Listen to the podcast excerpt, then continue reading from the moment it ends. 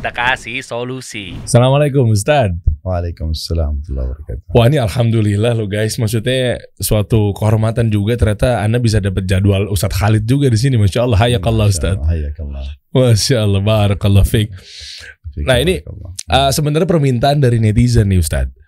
Artinya em, mereka punya kendala, mereka punya masalah dan lain sebagainya terkait masalah hijrah, masalah apa ya? eh, kita nih harus seperti apa sih dalam kehidupan ini berjalan nih? Hijrahnya kayak gimana sih? Apalagi nanti ditarik ke masalah muamalah.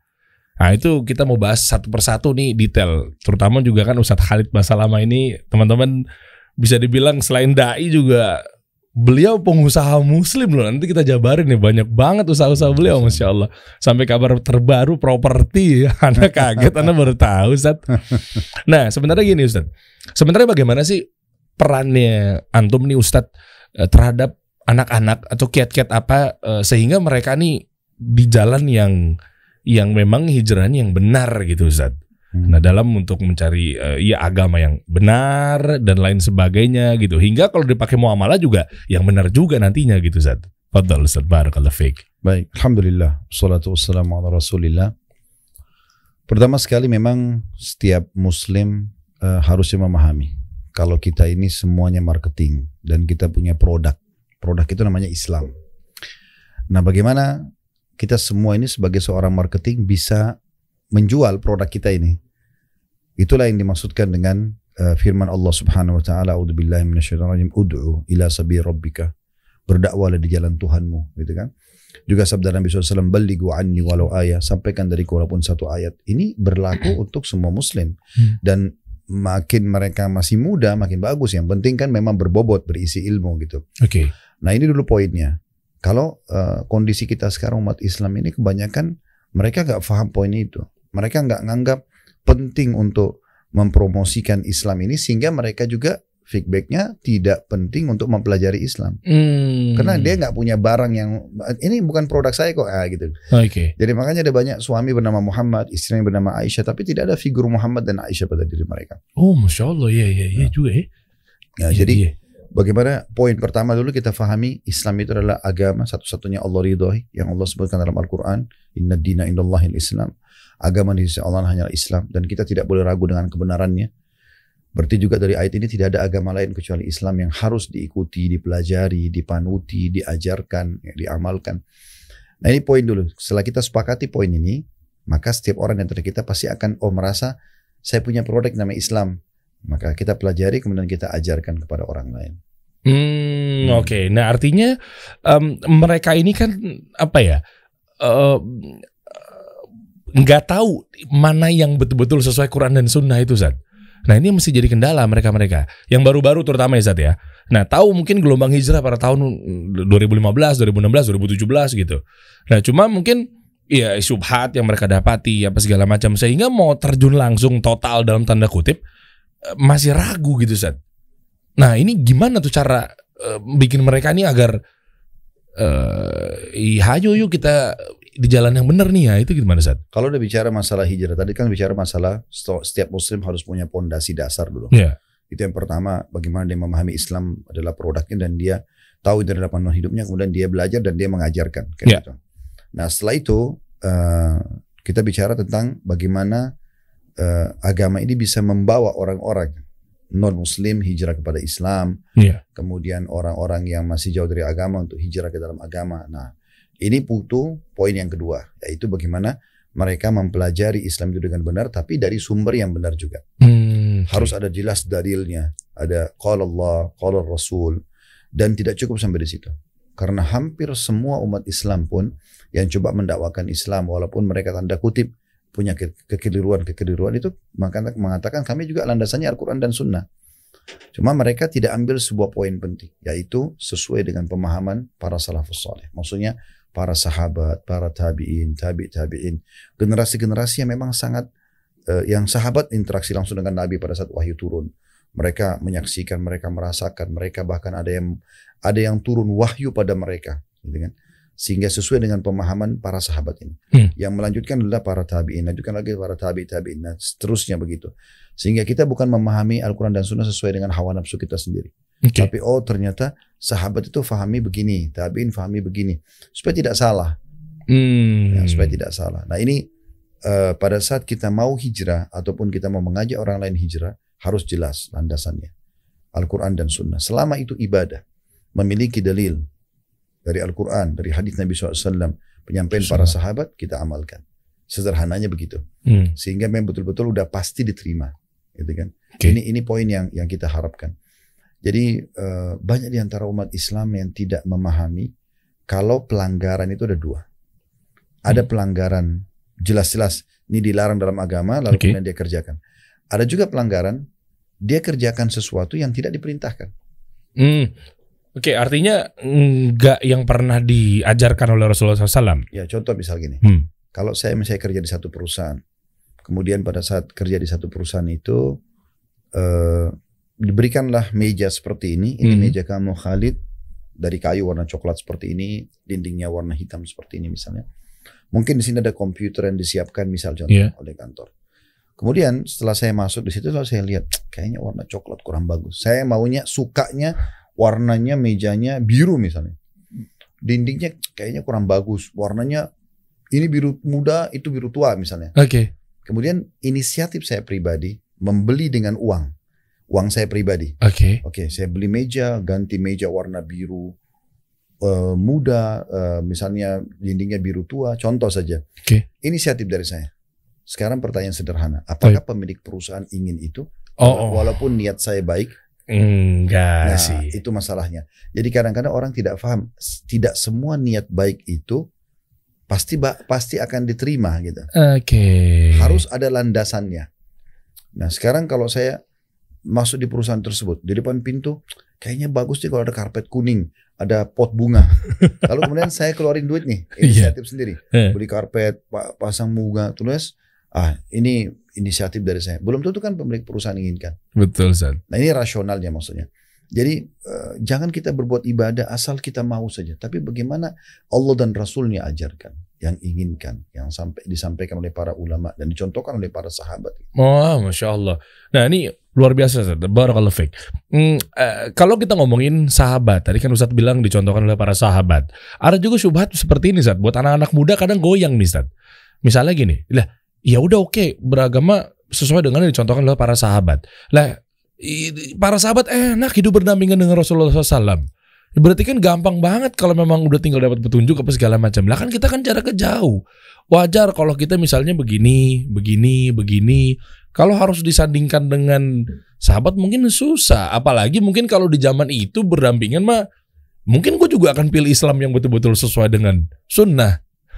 Dan Nah. itu pengelakan yang kurang tepat kalau menurut Banyak ada yang kayak gitu soalnya. Nah, maksudnya gini, kan sahabat Nabi sama dengan kita kan, punya dua mata, punya dua kuping, punya dua tangan, punya dua kaki, waktunya juga 24 jam. Heeh. Mereka juga sama lahir dari rahim seorang rahim seorang ibu, anak-anak, remaja kan sama, angan-angannya sama. Cuma bedanya sekarang mungkin di zaman sekarang ini lebih ada media, lebih ada teknologi kan gitu. Tapi umumnya amaliyahnya harusnya sama kan gitu. Hmm. Jadi nggak nggak tepat kalau orang berhujah mengatakan, oh saya juga kalau hidup di zaman itu mungkin saya akan seperti sahabat. Saya malah khawatir kalau orang-orang generasi sekarang hidup di zaman Nabi, mungkin bukan jadi Abu Bakar tapi jadi Abu Jahal. iya iya. Karena bayangkan ya, di fase Mekah itu, kalau di fase Mekah itu belum ada lampu, orang masih pakai obor zaman itu ya. Rumah orang masih sangat sederhana. Sekaya kayaknya orang dari Mekah kan tetap bukan bangunan kayak sekarang gitu. Nah, media belum ada, Al-Quran masih belum lengkap, masih baru beberapa surah dan ayat yang turun. Terus ada orang tidak bisa baca, nggak bisa nulis, ummi, ngaku nabi yang ikut masuk surga, yang tidak ikut masuk neraka. wah. Kira-kira antum akan jadi Abu Jahal atau Abu Abu Abu, Abu Bakar? Tapi em, ya fit ya memang fitrah manusia kan berpikir bahwa ini orang siapa? Hmm. Tiba-tiba Ya di zaman kita Eh. sekarang udah sangat enak karena ya. Al-Quran sudah sempurna, masjid banyak, media sangat membantu kita, buku-buku kita banyak. Jadi kita bisa belajar. Hmm. Kita udah bisa belajar dan sangat mudah untuk mendapatkan oh perkataan Ibnu Abbas, perkataan Ibnu Umar, Abdullah bin Amr bin As, Anas bin Malik. Banyak sekali Jabir bin Abdullah. Sejarah mereka seperti misalnya saya pribadi waktu membedah eh, serial sahabat sudah ada 40 sekitar 47 serial hmm, sahabat Masya Allah. yang sudah kita tablik akbar kan di blog M itu. Nah setiap bulan sekali, sebulan sekali itu untuk membedah satu serial sahabat itu. Saya sendiri sudah sering kadang-kadang baca kisah mereka, tapi selalu saja ada pelajaran baru hmm. dari statement mereka dalam kehidupan rumah tangga, dalam berbisnis, dalam uh, sampai pada tingkat berpolitik pun seperti Abu Bakar, Khulafaur Rasyid, Abu Bakar, Umar, Utsman tadi bagaimana mereka menjadi raja pemimpin umat Islam, bagaimana mereka ambil keputusan. Jadi lengkap sekali gitu. Satu sahabat ini ada Allah mudahkan buat kita ada ribuan mungkin kita bahasakan sahabat Nabi. Yang kita setiap sahabat bisa kita ambil ibrah dan pelajaran dari mereka. Oh, Jadi iya. untuk berhujah mengatakan kayaknya uh, itu kan sahabat dekat dengan Nabi. Justru karena mereka itu dekat dengan Nabi dan sudah mencontohkan dan berhasil meninggal dalam keadaan Islam, kita lebih mudah mencontohi mereka sekarang. Wah bener.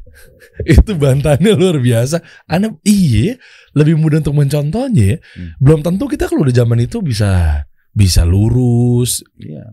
Karena nggak nggak semudah itu. Kalau sekarang ini sudah sangat mudah, fasilitas sangat mudah membuat kita untuk hijrah, untuk mempelajari kehidupan mereka. Kita butuh dalil apa pun, hmm. kita sudah sangat mudah untuk mendapatkan dalil-dalil itu. Ah, Oke, okay. baik gini Ustaz. Hmm. Uh, anak muda, kita ngomongin anak muda. Anak muda kan kadang memang masih labilitas ya, labil tinggi banget. Apa-apa mungkin disangkut pautin sama sains, macam-macam. Ditambah lagi di era anak muda ini uh, keluarnya medsos keluarnya um, penawaran-penawaran akan lebih mudah gampang. Hmm. Untuk di generasi sekarang tuh tricky banget Ustadz. Hmm. E, jadi ketika dia sudah dapat yang sampai dak dakwah yang hak, terus tiba-tiba dia compare, dia bandingin lagi. Tapi katanya yang di sebelah sini, di tokoh agama kok ditokohkan kok ini nggak begini nih. Nah, soalnya yang anda temuin rata-rata anak muda tuh gitu Ustaz. Pemikirannya tuh kritis banget. Nah itu gimana Ustaz dengan fenomenal seperti ini? Jadi sehingga uh, niatnya mungkin kita pengen buat anak-anak muda lebih mengenal lagi, tapi khawatir dengan adanya sosial media yang begitu masif, akhirnya mereka coba gampang memilah-milah, ah kayaknya yang lebih gampang yang ini ya, kayaknya lebih santai yang ini nih. Nah itu gimana? Ya, kita kita memang tidak bisa, bukan tugas kita sebagai dai misalnya atau sebagai seorang muslim yang menyampaikan agama Allah ini untuk memegang setiap orang kan begitu. Oke. Okay. Kita hanya bisa menyampaikan. Bahkan Allah Subhanahu wa taala mengatakan kepada nabinya, tugasmu adalah balak, menyampaikan saja. Hmm. Nabi SAW kadang-kadang sedih melihat orang-orang Quraisy yang tidak mau masuk Islam. Tapi Allah mengingatkan, hampir hampir saja hidupmu itu jadi kacau hai Muhammad. Fikiranmu jadi kacau. Mungkin engkau merasa terbebani dengan mereka tidak beriman. Tapi hidayah di tangan Allah Subhanahu wa taala.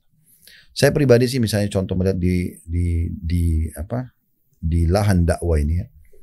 Yang penting kita ikhlas dalam menyampaikan. Terus dalilnya jelas, penyampaian dengan bahasa yang sederhana mudah untuk difahami. Kita datangkan kisah orang-orang terdahulu. Hmm. Sudah cukup dan terlalu banyak orang yang hanya tersentuh dan merasa mendapatkan hidayah itu. Oh iya. Yeah. Yeah, Jadi justru dengan teknologi sekarang lebih mudah kayak adanya YouTube, Instagram, Facebook dan yang lainnya justru makin membantu uh, anak-anak muda lebih mudah untuk untuk menerima. Yang penting begini, anak-anak muda ini memang mereka setelah hijrah, Allahu alam yang saya ketahui ada empat kiat untuk istiqomah. Wah. Yang pertama itu majelis ilmu. Selama mereka komitmen, konsisten untuk selalu dengarkan ilmu. Artinya coba buat simbol hidup itu sering saya sampaikan di pengajian, tidak ada hari tanpa ilmu. Dengarkan penyampaian para asatidah kita, para masyayikh, ulama-ulama yang jelas dalilnya, jelas sumbernya, jadi mereka kalau mengatakan lakukan ini, ini Allah berfirman, ini Rasulullah bersabda, Abdullah bin Abbas eh, menjelaskan seperti ini, Abdullah bin Umar seperti ini. Jadi jelas. Kalau ada majelis ilmu, ilmu itu pondasi keimanan. Baik. Kalau ilmu ada, iman itu akan ada. Dengan adanya iman, maka amal soleh akan dikerjakan. Kan gitu. Oh, okay. Jadi harus pondasinya ilmu dulu. Oke. Okay. Makanya Nabi SAW banyak SAW. dalam hadisnya memotivasi anak muda muslim untuk menuntut ilmu kan. Setelah selesai menuntut ilmu ini dan harus mereka buat simbol itu. Hmm. Setiap hari ini tidak ada hari tanpa ilmu. Dengan ada media sekarang mereka bisa buat di atas ranjang satu jam sebelum tidur. Ya seperti para orang yang banyak sibukkan waktunya nonton Instagram, Facebook, eh, YouTube yang banyak beragam eh, eh, apa tontonan yang bisa dia pilih. Nah dia fokus ke ilmu. Dari ustadz ini ke ustadz ini gitu kan. Okay. Tapi memang yang jelas-jelas sumbernya. Hmm. Kemudian yang kedua, ilmu ini yang kedua diamalkan. Berapa banyak di antara kita sudah mendengarkan tentang sholat malam, tentang sedekah, bakti sama orang tua. Masalahnya sudah diamalin belum? Oh iya. Dan dalam mengamalkan ini, Allahu alam, yang saya sering sampaikan sama teman-teman generasi muda muslim yang ikut pada pengajian kami, ini harus dipaksakan. Dalam meng mengamalkan ilmu itu harus dipaksakan. Misal contoh, sholat malam. Kita harus paksakan diri untuk sholat malam. Dengan membaca keutamaannya dulu, keutamaan sholat malam apa pi? Apa sih yang saya kalau saya kerjakan sholat malam saya dapat apa? Kalau saya sedekah saya dapat apa? Kalau saya gini saya dapat apa? Nah itu kan janji Allah. Setelah itu kita paksakan. Mulai bunyi jam beker, bunyikan jam beker, mulai uh, alarm lah ya paling tidak. Atau mungkin saling mengingatkan satu sama yang lain teman-teman nanti setengah empat kita telepon-teleponan ya gitu. Hmm, Misalnya yeah. uh, atau di grup gitu ada suara tertentu yang mungkin ada uh, bisa apa mengingatkan satu sama yang lain. Jadi uh, kita paksakan. Mulai sekarang sedekah sudah harus mulai sedekah. Baca Quran sudah harus dipaksakan. Tanda kutip ya di sini. Nah, Allah mengatakan waladina jahadu fina adalah dia nom subulana. Orang yang tanda kutip memaksakan diri ke jalan kami. Bermujahadah, maka kami akan tunjukkan jalan-jalan uh, kami akan tunjukkan menuju ke jalan-jalan kami. Kemudian yang ketiga, komunitas. Karena kata Nabi SAW, Al-maru ala dini khaliri, falyandur ahadukum ila man. Seseorang sesuai dengan agama, sahabatnya, iya. lingkungannya. Yeah. Maka dia harus pilih siapa yang dijadikan sebagai teman-temannya. Jadi sangat normal orang kalau hijrah, dia sudah mulai istiqomah, pasti akan terbentuk komunitas baru. Iya. Komunitas selama itu pasti akan menyingkir sedikit, demi sedikit. Ada di antara mereka yang meninggalkan sama sekali, ada di antara mereka yang malah bertanya, kok kamu bisa hijrah? Apa sih ini? Kok kamu berubah? Nah, Gak apa-apa kita jelasin. Saya ikut pengajian. Nah, biasanya kalau dia proaktif untuk menjelaskan kepada mereka, mungkin ada juga yang ikut hijrah. Gitu. Ah, Masya Allah. Ikut hijrah. Iya, iya, iya. Nah, yang terakhir itu adalah selalu berdoa. Agar Allah subhanahu wa ta'ala membuat kita bisa istiqomah dalam ketaatan kepada Allah SWT. Karena doa ini adalah senjata orang-orang beriman. Masya Allah, Masya Allah. Empat kiat istiqomah nih. Hmm. Masya Allah nih anak-anak muda harus paham nih. Karena nggak cuma sekedar hijrah, hijrah yuk ikut-ikutan. Hmm. Tapi lost dia ntar ujung-ujungnya ya futur udah hilang nggak istiqomah. Hmm. Tapi anak coba co uh, kerucutan kepada yang poin yang kedua nih Ustaz, menarik. Tadi anda mendengar kata uh, koreksi kalau anda salah Ustaz ya. Kayak misalnya kita nih kalau sholat malam nih untuk apa sih? sedekah untuk apa sih? Sebenarnya boleh ya saja kita menanyakan sesuatu amalan ibadah yang nantinya menjadi garansi ke kita sendiri. Kalau saya melakukan sholat kira-kira dapat apa nih? Ya Allah, misalnya gitu. Atau seperti apa Sad? Yang saya pahami begitu. Jadi kayak misalnya, boleh nggak saya sholat malam supaya doa saya diijabah? Loh memang tujuannya itu kan? Oh, taib. Boleh nggak saya melakukan ibadah haji supaya dosa saya diampuni? Memang itu janjinya. Oh, Boleh nggak okay. saya bakti dengan orang tua supaya Allah karuniakan saya anak juga berbakti sama saya? Ya memang begitu hadisnya. Oh, masya Allah. Ya. Jadi sebenarnya mengerjakan ibadah itu dengan mengejar apa yang Allah janjikan itu puncak ibadah itu sendiri. Oh, terkait sama rizki juga sama saat misalnya, oh anda pengen sholat duha, ini kita ngomongin stigma stigma deh. Oh, kenapa bro? Iya karena memang biar, biar dibukakan rizkinya misalnya. Terlepas dari memang misalnya nantinya Eh, apa pun bentuk ibadahnya kita bahas mengenai ada contohnya apa tidak ya saat ya. Ini lagi bahas tentang teorinya, yaitu gue pengen kaya nih. Kalau sholat ini bener bisa langsung kaya nggak sih ya kayak gitu-gitu Ustaz? kan fenomenal banyak pengusaha-pengusaha begitu Ustaz. Yang ditanya biasanya kalau nanya tentang perihal sholat tujuan yang pertama itu bukan minta surga, umumnya itu mintanya kaya Ustaz. Nah itu boleh nggak sebenarnya Ustaz? Gini gini, jadi satu persatu dulu. Mm. Kalau duha, duha itu memang ada hadis kutsi dihasankan oleh para ulama.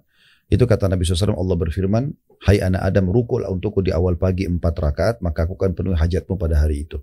Tapi ini bukan dijadikan sebagai, oh kalau saya sholat duha saya pasti dapat rezeki. Bukan itu. Nah. Jangan diumumkan di situ. Nanti akhirnya kalau dia sholat duha, dia, dan di sini perlu difahami ya, rezeki itu di mata dia apa sih? Tanda kutip dulu. Karena banyak orang fahamnya rezeki itu duit aja.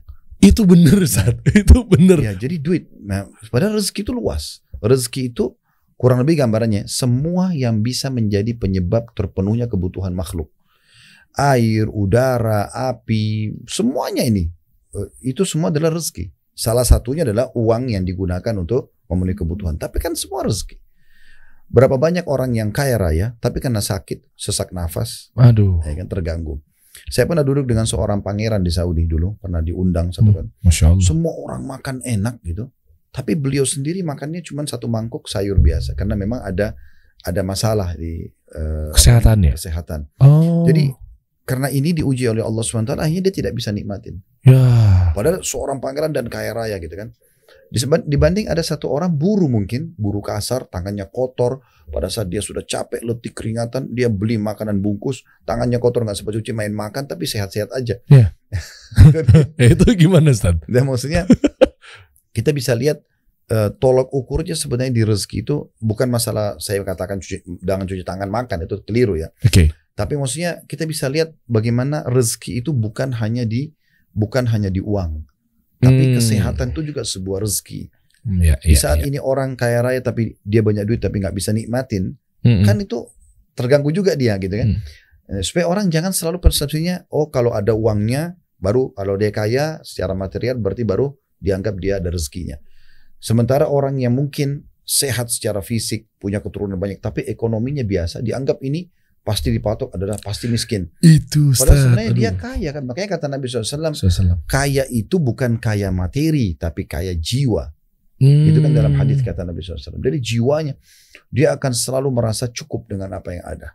Nah, anak muda catat ya. Hmm. ya ya ya.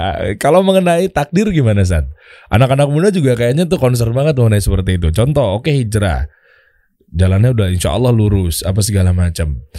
Lalu dia coba untuk jalanin istiqomah sambil tipis-tipis juga dia mungkin buka usaha apa segala macam, apa pun aktivitas yang udah dilakukannya saat itu gitu kan. Nah, anak-anak muda kan ya tadi ya, mungkin pemikirannya eh iya nggak jalan misalnya bisnisnya.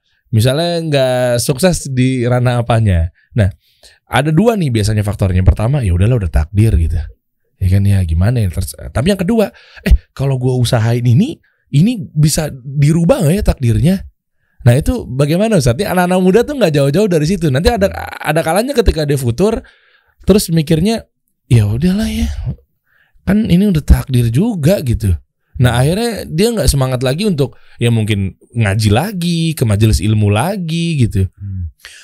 Jadi kita kembali ke poin tadi, ke satu persatu tadi ya. Hmm. Kalau misalnya duha tadi ada hadisnya tapi tidak bisa dipatok itu adalah langsung berarti dipatok itu rezeki dan selalu larinya ke duit kan gitu.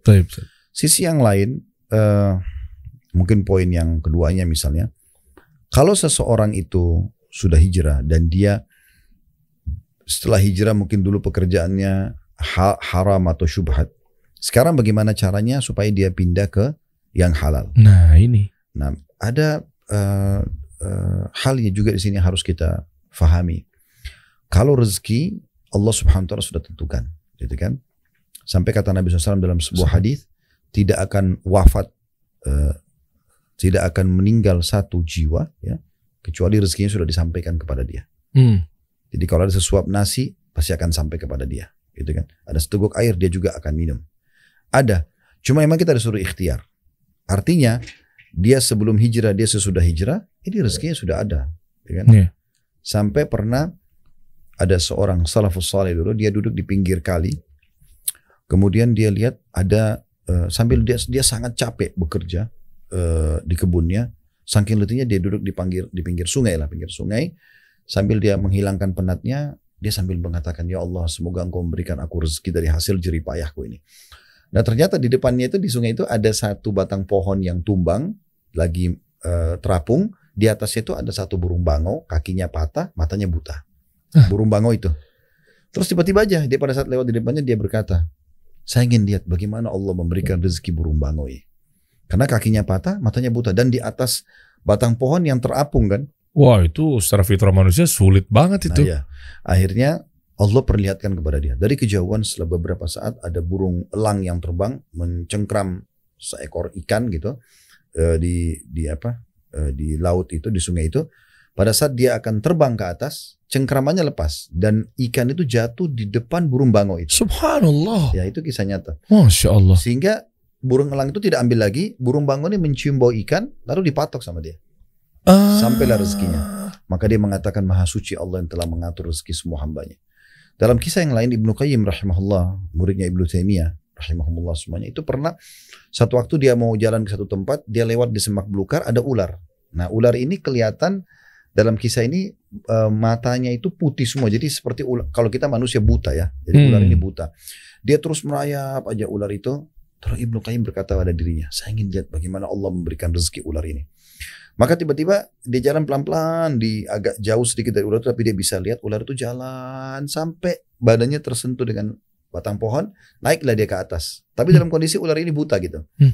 Dia terus naik ke atas, begitu dia naik ke atas, Ibnu Qayyim mengatakan saya mengangkat kepala saya, rupanya di atas uh, batang pohon itu, di dahannya itu ada satu anak burung yang lagi bersihin sayapnya. Hmm. Dan dia tidak menyadari kalau sebelahnya ini sudah ada ular. Ular ini buta juga tidak tahu kalau ada burung itu.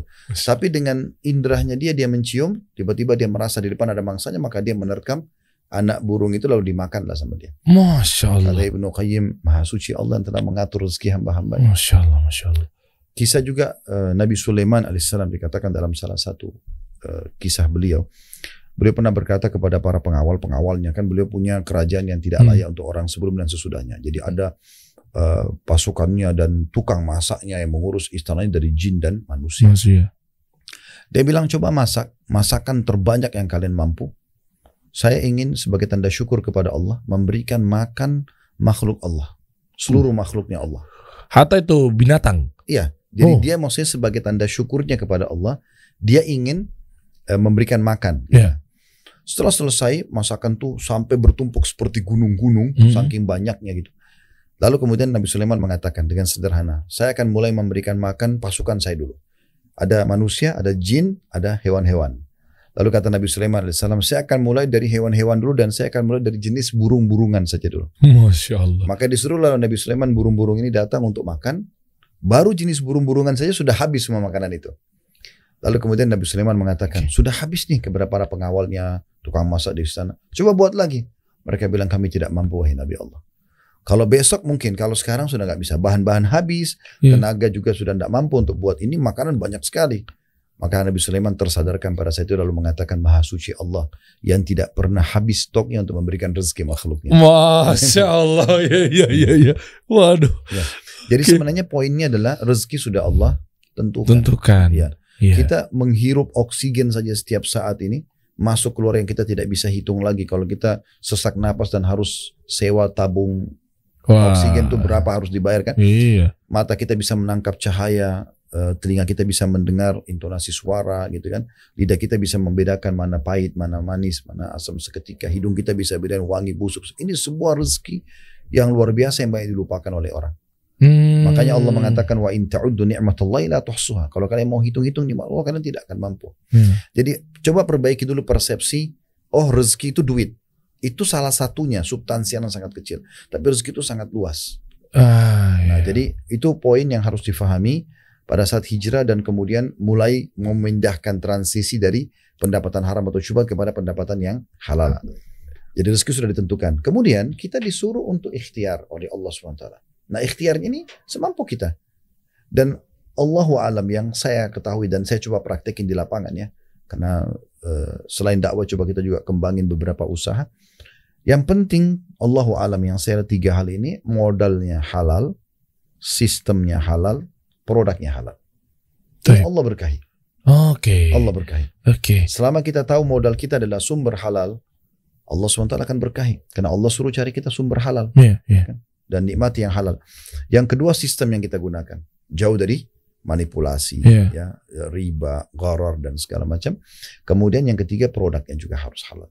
Nah hmm. kalau ini kita sudah kumpulkan, insya Allah dengan izin Allah swt. Apalagi kalau kita tambah dengan yang keempat, uh, artinya mengetahui haknya orang lain dalam rezeki itu dengan bersedekah, kemudian dengan mengeluarkan zakat, maka sempurnalah bisnis itu insya Allah. Masya Allah, Masya Allah. Ini kalau kita dengerin penjelasan Ustaz Halid dari zamannya, misalnya kayak siro, penjelasan apa segala macam, masuk Ustaz beneran Ustaz. Hmm. Masya Allah. Semoga Allah jaga antum selalu Ustaz ya. Nah, anak muda lagi nih Ustaz nih, menarik nih. Uh, anak muda ini suka banding-bandingin Ustaz. Misal, uh, itu dia kok nggak sholat ke masjid, itu dia kayaknya tuh kayaknya main game mulu handphonenya, kayaknya begini begini begini tapi kaya. Tapi bisnisnya jalan. Tapi kayaknya apa aja dilancarin gitu. Lah aneh udah tahajud iya. Duha iya. Puasa senin kemis iya. Bahkan puasa Daud kalau perlu. Tapi kok kayaknya gini-gini aja hidup. Ya, hijrah juga iya. Dia kayaknya hijrah aja. Mungkin mana dia masih melakukan sebuah ibadah yang mungkin gak dicontohin sama Rasulullah SAW yang katanya begitu saya udah tinggalin tapi masih stuck eh, itu gimana Ustaz? Jadi gini, saya sangat yakin ya, secara pribadi, tidak mungkin orang beriman dan beramal soleh Allah tidak bukakan rezeki. Itu nggak mungkin. Nggak mungkin Ustaz ya? Sangat tidak mungkin gitu. Insya Allah kalau dia beriman dan beramal soleh dan dia berikhtiar, Allah hmm. akan berikan jalan keluarnya. Karena banyak bukti di kalangan sahabat. Abdurrahman hmm. ibn Auf radhiyallahu anhu hijrah dari Mekah ke Madinah dengan pakaian di badan, hartanya diambil oleh orang-orang Quraisy. Bahkan keluarganya pun tidak ikut gitu kan istrinya sehingga beliau nanti menikah dengan wanita dari Ansar Madinah. Tapi pada saat beliau datang ke Madinah, beliau coba berikhtiar dengan mendatangi pasar, lalu kemudian mendatangi satu penjual cangkul, karena hmm. umumnya di sana perkebunan kurma gitu kan. Maka beliau minta, bisa nggak saya jatuh tempo nih, saya ambil nanti saya bayar besok. Diambillah satu dua cangkul, besoknya dibayar, lusa diambil, besok diambil lagi sekian banyak. Sampai beliau punya kios sendiri dalam hmm. beberapa waktu. Setelah itu beliau langsung menikah. Nabi SAW lihat ada perubahan di pakaiannya, penampilan kata Nabi SAW, ada apa wahai Abdurrahman? Kata Abdurrahman, ya Rasulullah, saya sudah menikah sama wanita Ansar. Kata Nabi SAW, berapa kok? Apa yang kau kasih sebagai mahar? Dia bilang, emas seperti biji uh, kurma. Artinya itu pendapatnya masih pas-pasan gitu. Okay. Terus uh, kata Nabi SAW, awli walau bisyat, iklankan walaupun dengan satu ekor, satu ekor domba saja. Setelah itu Abdurrahman bin Auf coba melihat ini peluangnya di mana nih untuk usaha nih. Dia terus berusaha kreatif gitu kan. Sampai dia melihat ada pasar tuh di Madinah cuma satu tempat. Mm -hmm. Waktu itu umat Islam punya yang sering didatangin gitu. Ada di di di apa di uh, pemukimannya orang-orang Yahudi ada pasar juga, tapi umat Islam cuma satu. Dan orang cuma di situ-situ aja, kadang-kadang padat kan. Terus beliau lihat ada banyak tanah-tanah yang uh, kurang produktif. Lalu beliau izin kepada Nabi SAW, ya Rasulullah, saya mau berdayakan tanah ini bagaimana?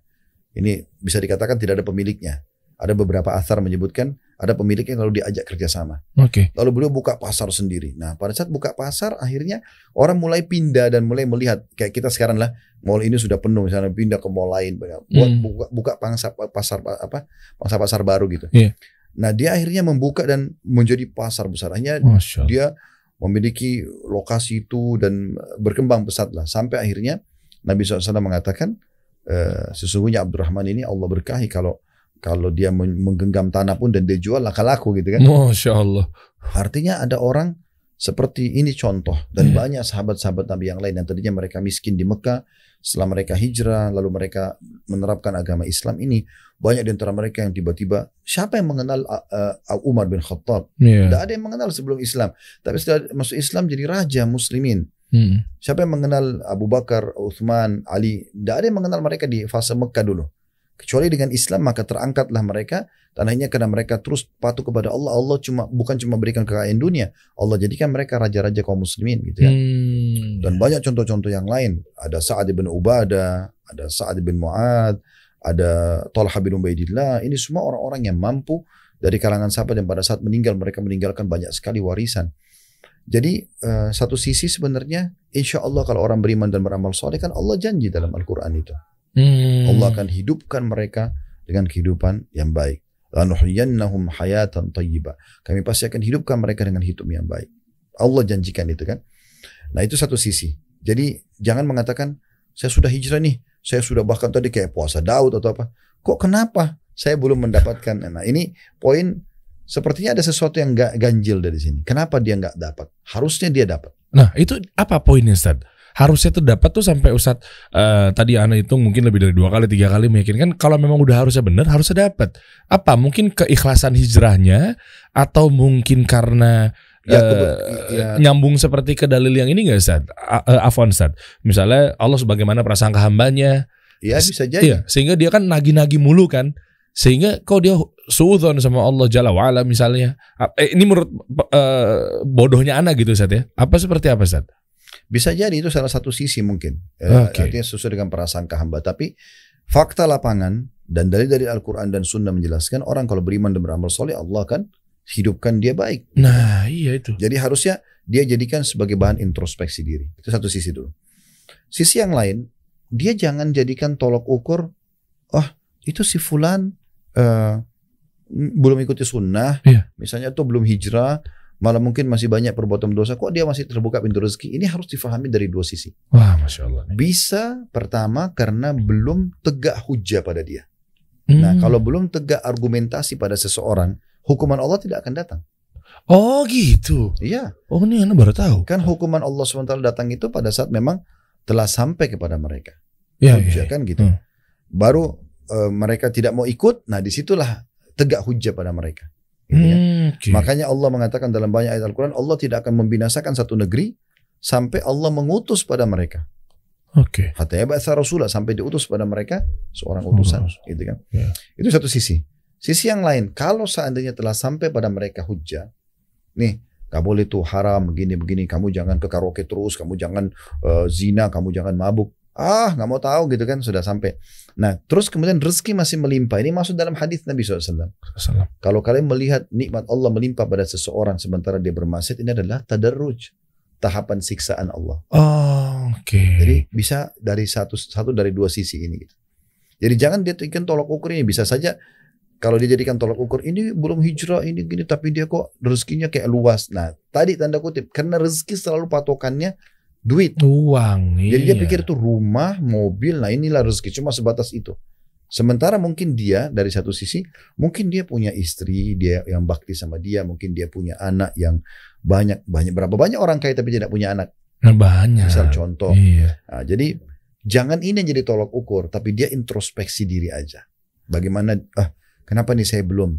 Oke, cobalah minta di sepertiga malam lebih dekatkan diri lagi kepada Allah SWT. Karena tidak mungkin eh, firman Allah salah. Eh, Allah sudah mengatakan dalam Al-Quran, A'udzubillahi minasyaitonirrajim. Wa idza sa'alaka ibadi anni fa inni qarib ujibu da'watad da'i idza da'an falyastajibu li wal yu'minu bi lalu yarshudun. Hai Muhammad kalau ditanyakan kepadamu tentang aku kata Allah. Ya. Katakan aku sangat dekat.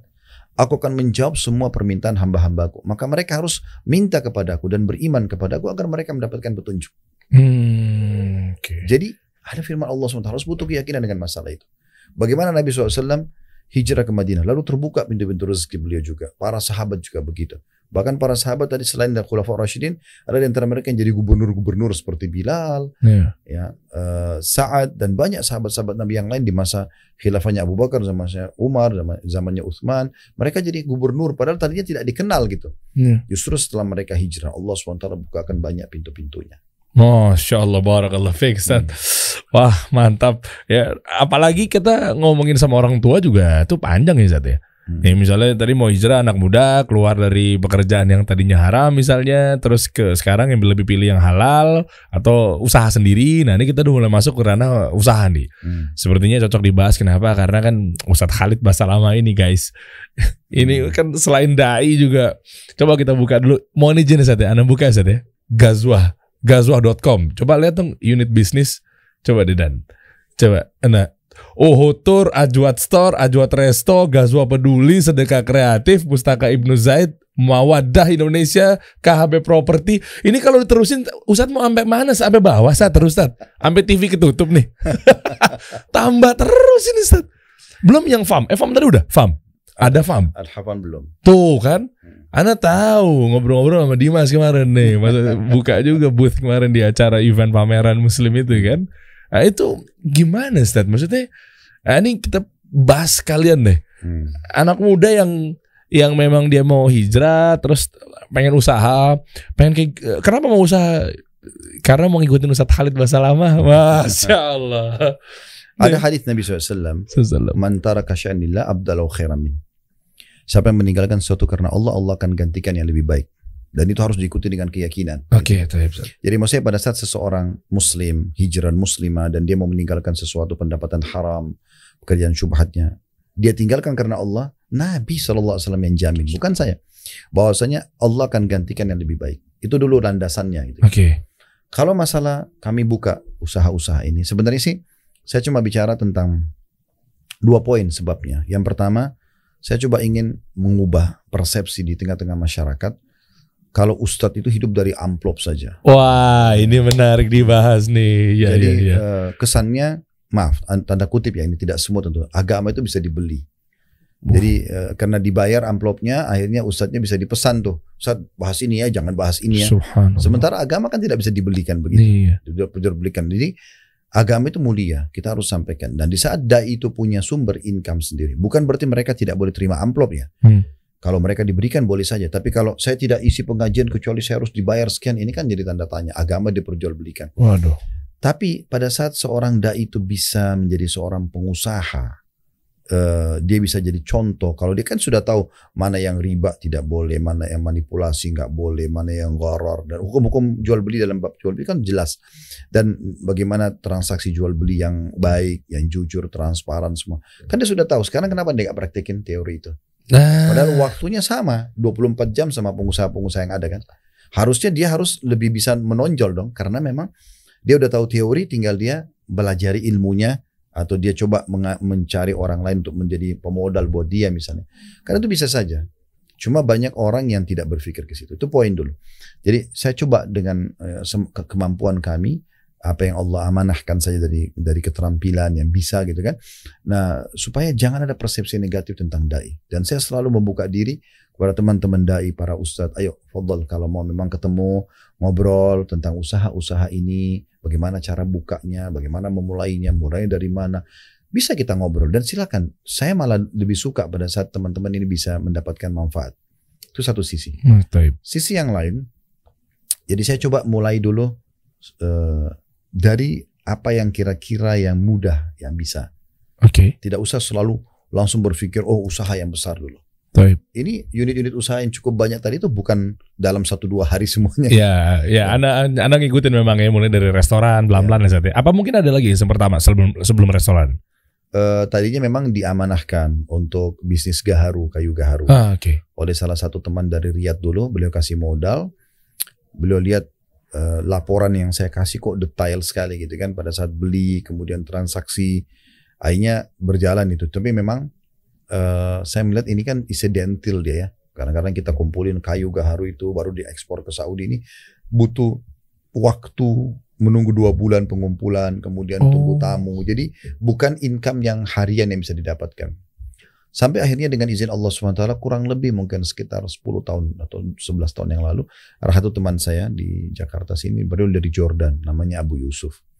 Beliau sering sudah sering uh, saling kunjung mengunjungi. Satu waktu dia bilang, Khalid saya uh, punya anak tiga dan kayaknya income saya kerja di salah satu yayasan sosial dari Kuwait yang ada di Jakarta kayaknya kurang gitu.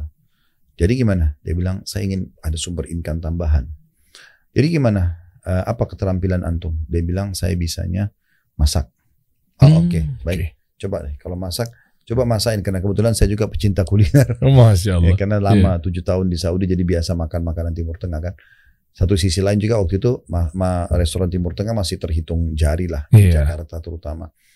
Uh, juga saya melihat uh, kurang lebih jutaan jemaah haji kita ya bisa 4 sampai 5 juta mungkin kalau diakumulasikan dalam satu tahun ya jemaah umroh jemaah haji dari semua travel itu ini kurang lebih ya uh, dalam satu tahun kalau angkanya salah saya mohon maaf tapi kurang lebih maka mereka ini ke pada saat ke Mekah ke Madinah mereka kembali lagi makan makanan pokok gitu kan. Hmm, makanan iya. makan makanan kita lah maksudnya. Makanan pokoknya maksudnya makanan kita.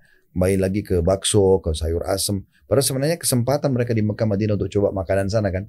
Tapi mereka iya. tidak tahu nama tidak tahu bahasa tidak tahu harga. Nah kenapa kita tidak coba uh, tawarkan produk ini? Tawarkan produk ini supaya bisa uh, mereka pada saat pergi haji dan umrah yang tidak akan terputus sampai menjelang hari kiamat ini uh, untuk mencoba makanan di sana.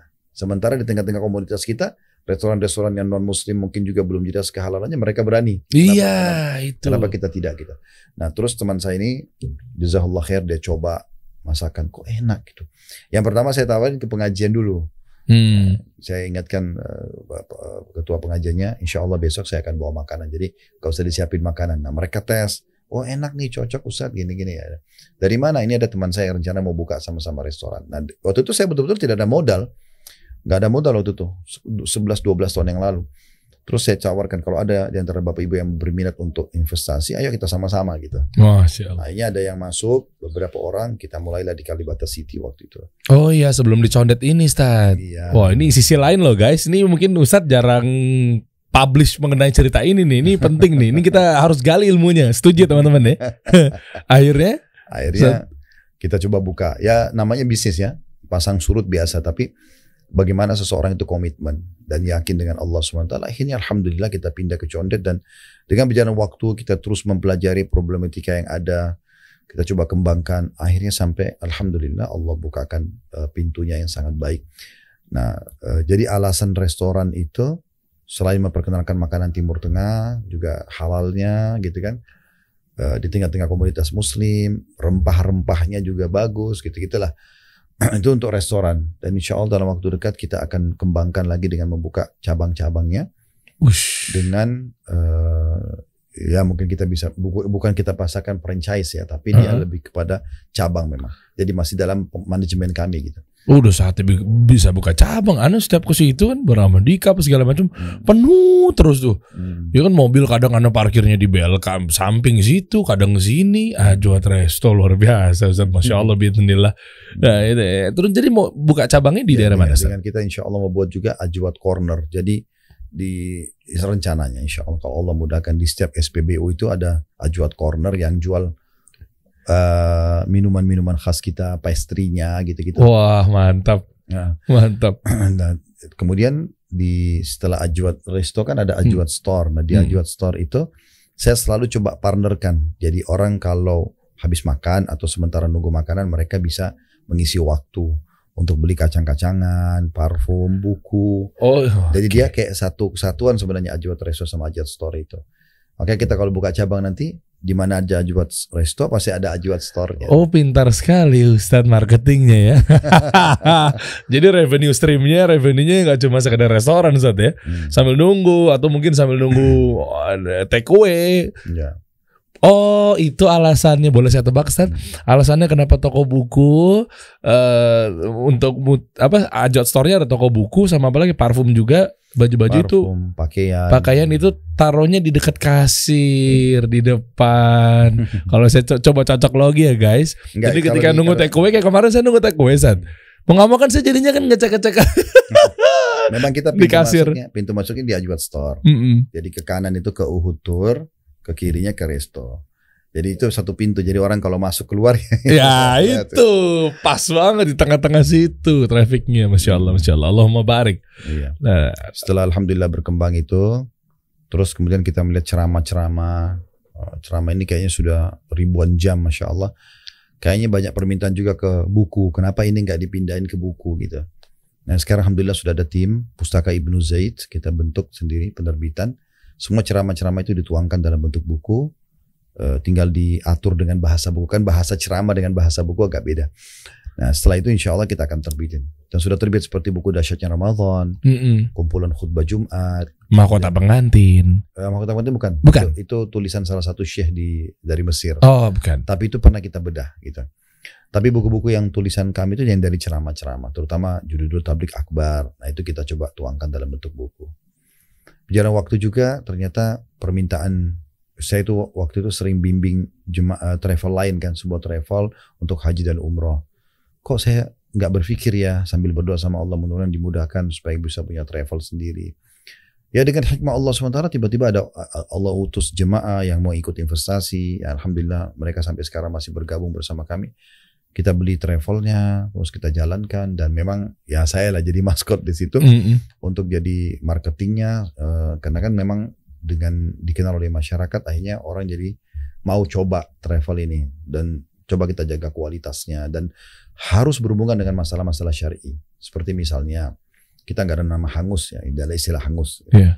karena sebagian travel misalnya dia masih bisa refund uang jemaah tapi dia misalnya nggak refund contohnya yeah. dengan alasan ya kenapa batal ya sudah berarti uangnya hangus, hangus. Ini, kan, hmm. ini kan travel haji umroh harusnya tidak sama juga di Uhud itu kami tekankan sekali kalau ada jemaah misalnya dia batal sebelum hari H dan kita hubungi penerbangan dia masih bisa uh, refund yeah. tanpa potongan ataupun kalau ada potongan 10% kita kembalikan kita katakan ini 10% ini buktinya dari dari uh, penerbang penerbangannya.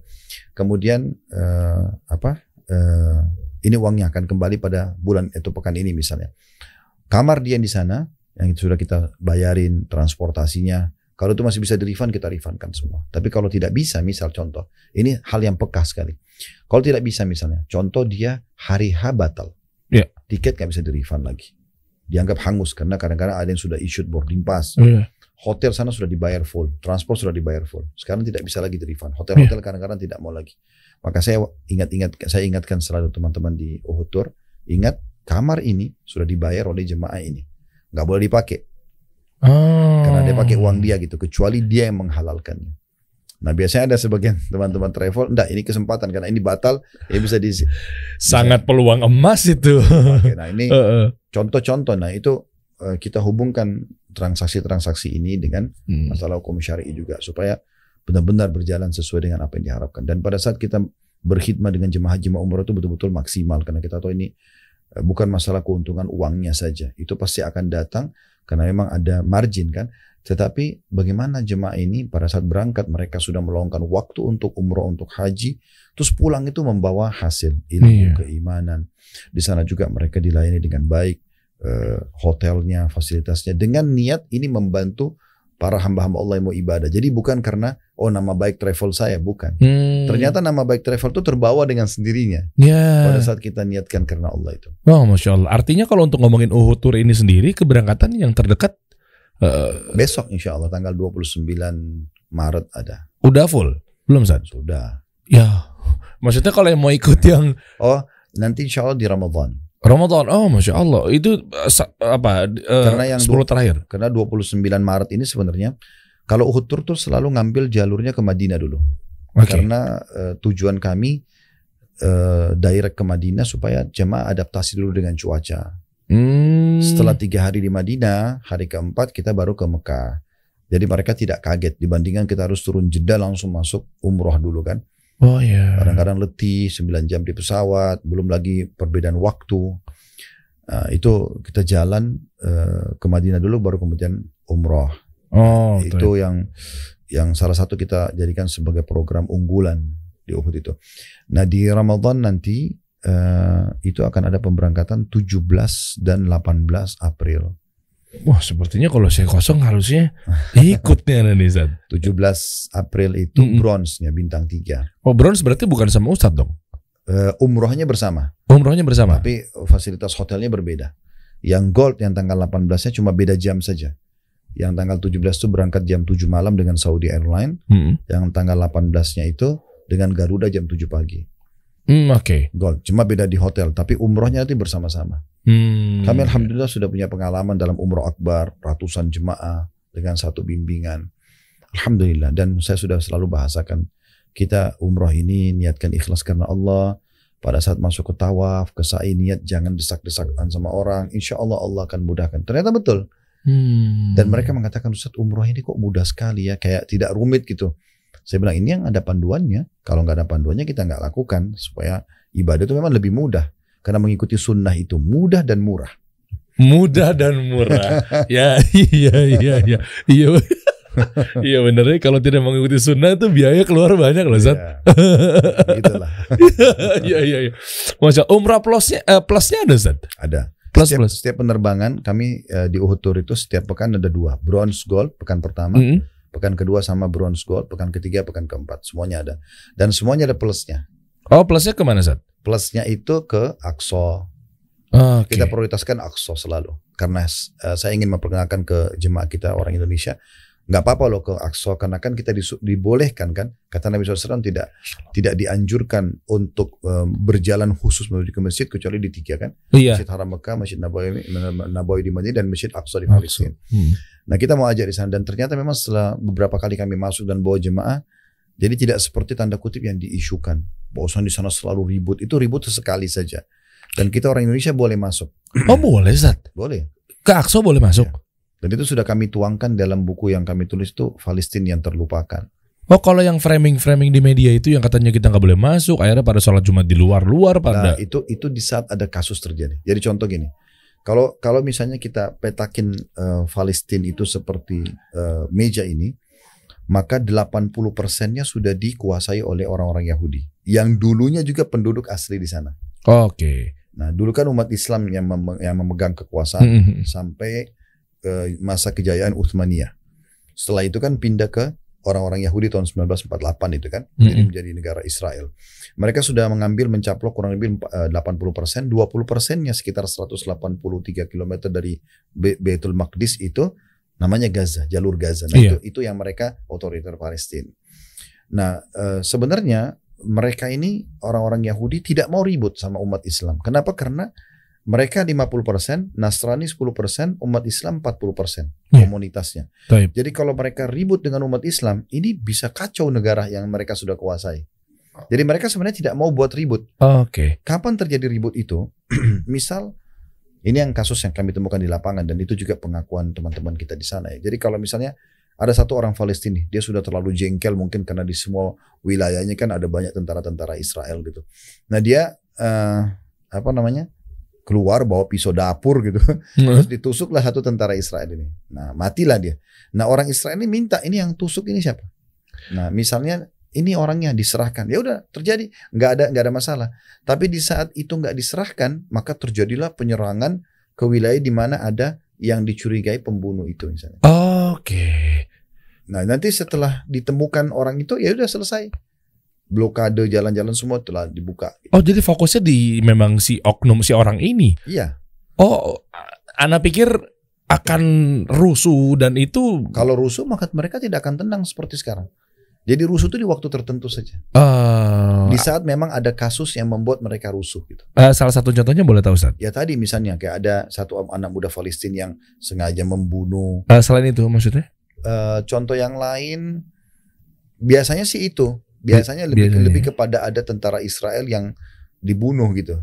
Biasanya ke situ. Hmm. Kalau yang lain sih sepertinya tidak eh, Allahu alam ya kalau ada di luar daripada ilmu yang kami ketahui Hmm. tapi setahu saya sih lebih ke situ. Jadi di Israel itu sendiri saya pernah dijelasin sama mutawif kita ya tur tur tour gate-nya di sana gitu.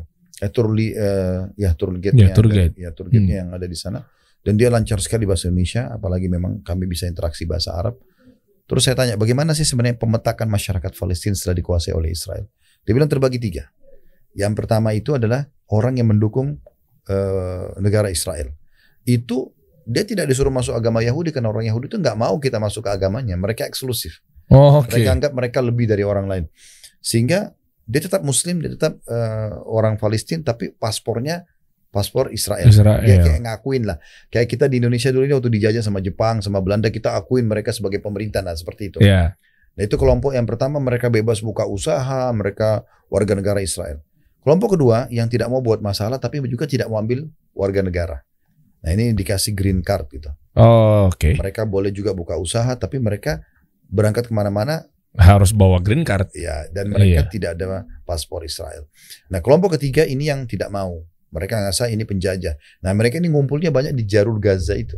Oh, gitu. Ana pikir tuh ya Palestina ya tiga ini ya satu itu aja udah Enggak. yang yang yang yang yang nggak setuju dengan adanya penjajahan apa segala macam ternyata ada juga green card ada juga yang mungkin yang oh, oke Ada. Dan dan orang-orang Yahudi yang berkuasa sekarang itu umumnya mereka memang warga warga wilayah itu dari dulu. Hmm. Terjadilah persaingan politik, maka mereka akhirnya menguasai gitu. Iya iya iya. iya. Seperti itu. Wah menarik nih kalau kita bahas. Mungkin nanti ada sesi sendiri untuk kita podcast bahas tentang itu. Sat. Boleh. Boleh beda buku itu Sat, ya. Mhm.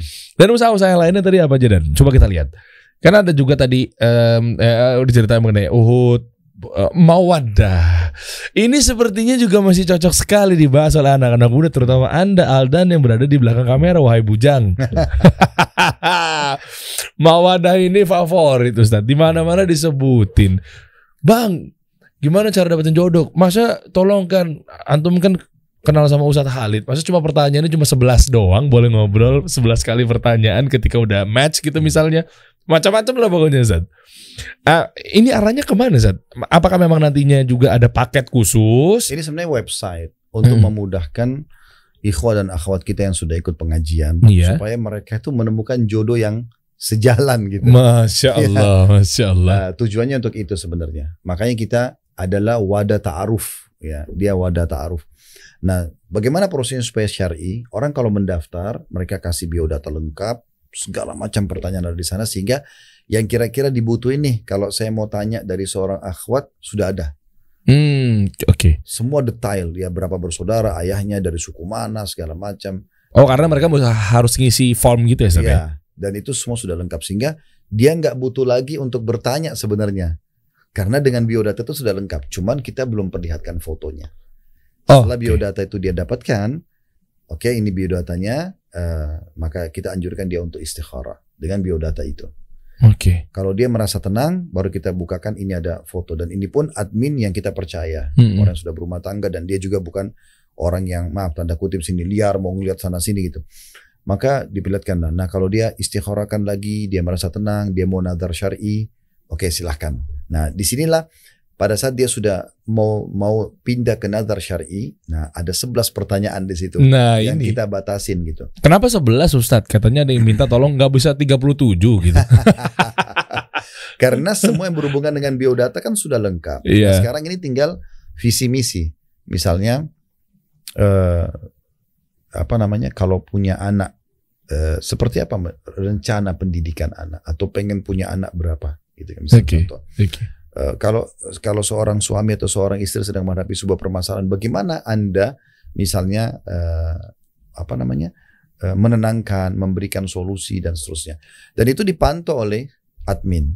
Kalau dia sempat memberikan nomor HP saja, itu kita langsung blok. Oh, Oke. Nggak boleh. Jadi cuma komunikasi. Nanti kalau dia sudah ngerucut, maka dia boleh minta kepada admin, Oke. saya mau melangkah kepada nazar syar'i. Nah, baru kita coba pandu kepada walinya akhwat tersebut. Hmm, Kalau akun IG gimana Zat? Kan kalau handphone langsung ke blok. Kalau akun IG kan mungkin mau lanjut buat DM DM-an gitu. ya kalau di luar kapasitas kami, Allahu alam. gitu. Iya. Tapi insya Allah mereka tidak boleh sama sekali kasih medsosnya eh, dan segala macam. Ini Allah alam kita coba berusaha. Oke, oke. Ya, makanya mudah-mudahan juga KHB properti juga cepat jalan. Udah jalan apa jangan-jangan udah jalan? Belum belum. Belum ya? Kalau itu sih rencana kita mau buat seperti townhouse. Wah, ini ini ini, ini benar-benar Ustadz Halid kasih solusi kepada teman-teman nih. Jadi townhouse, Townhouse itu sekitar 15 rumah. Berikut fasumnya nanti kita pakai jadi masjid gitu kan. Nah rumahnya sesuai dengan syari contoh misalnya eh, larangan Nabi SAW untuk maaf ya WC nggak boleh belakangi dan menghadap kiblat misalnya. Nah, kita buat eh, tentu jauh dari patung-patung dan segala macam rumah itu. Kita buat desain sebagus mungkin, eh, pencahayaannya bagus, segala macam desain. Setelah selesai, baru kemudian di- dipasarkan juga dengan harga yang terjangkau dan masjidnya ada. Nah masjidnya ini nanti akan dipegang oleh eh, kami sebagai properti. Jadi imamnya, marbotnya semua dari kami. Jem, eh, para orang yang di komplek itu tinggal tahu hadir. Wah, ini hunian betul-betul. Dan imamnya harus hafal Quran, Iya. dia juga bisa mengajar agama di situ. Jadi ada kajian rutin dia sehingga di komplek itu suasananya hidup lebih islami. Sebenarnya gitu. Jadi dan ini kecil bukan komplek besar. Nah, tapi itu kan luar biasa hunian itu yang diidambakan idambakan orang-orang sekarang untuk atau mungkin keluarga Zat. Iya, karena saya pernah terinspirasi masuk ke satu komplek di Jakarta Pusat. Waktu itu ada ceramah. Kompleknya mewah dan bagus sekali. Mungkin ada ratusan rumah. Tapi begitu azan, saya bilang saya mau sholat. Oh ya silakan Ustaz disiapin sejadah. Loh, saya mau ke masjid. Masjid tidak ada di sini Ustaz. Ya, Jadi harus keluar pakai mobil jauh. Loh kok bisa? Di sini bukan mayoritas muslim. Iya. Tapi emang tidak disiapkan oleh yang punya komplek itu. ah, dari situ ternyata. Nah, jadi memang masjid itu kan tidak bisa eh, luput dari seorang muslim. Nabi Hmm. SAW pada saat hijrah ke Madinah beliau lakukan tiga pondasi dasar negara kan. Yang pertama bangun masjid. Kuba dan Masjid Nabawi. Iya. Jadi semua muslim itu harusnya memang di wilayah ada masjid. Di kantornya ada musola gitu-gitu kan. Iya. Kemudian yang kedua itu mempersaudarakan antara muhajirin dan ansar. Jadi tidak lagi rasis. Iya. Oh, kamu pendatang, saya ini pribumi. Ada Akam lagi. sih, akam sih, anak kampung sini. Ah. Heeh. Terus kemudian yang ketiga itu masalah muahada, kesepakatan damai dengan orang-orang muslim. Tidak saling mengganggu dan seterusnya. Wah, masya Allah nih. Nih mudah-mudahan nanti huniannya cepat jadi Ustaz ya. Karena kan pengen kan nanti anak teman-teman yang udah anak muda yang hijrah juga, siapa tahu bisa dapat solusi juga buat hadir di situ. Hmm. Ya, terutama misalnya Andika juga tuh Ustaz. Nah, Andika yang kemarin kan sempat hadir di sini Ustaz, Andika Gumilang. Hmm. Nah, itu kan juga kan pengen kita gabung sama dia juga biar tetap tuh bareng-bareng teman-teman yang udah hijrah, yuk kita kumpul gitu kan. Mungkin huniannya bisa di sana juga kita tinggal bareng apa segala macam bisa Ustaz. Ya bisa saja. Nah, gimana kalau kita ntar panggil episode berikutnya Andika Gumilang untuk duduk di sini Ustaz? boleh. boleh. Boleh Ustaz ya.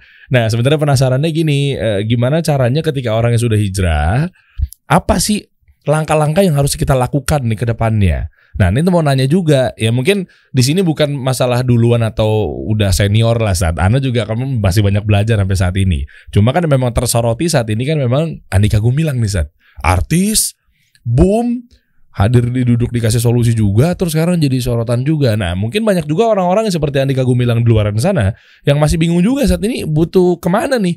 Kajiannya kajian apa nih yang harus kita ikutin duluan? Tauhid duluan kah? Apa memang yang sifatnya yang buat hati tenang apa yang seperti apa boleh saja ya hmm. kita kontak untuk yang berikutnya Andika Gumilang boleh saja okay.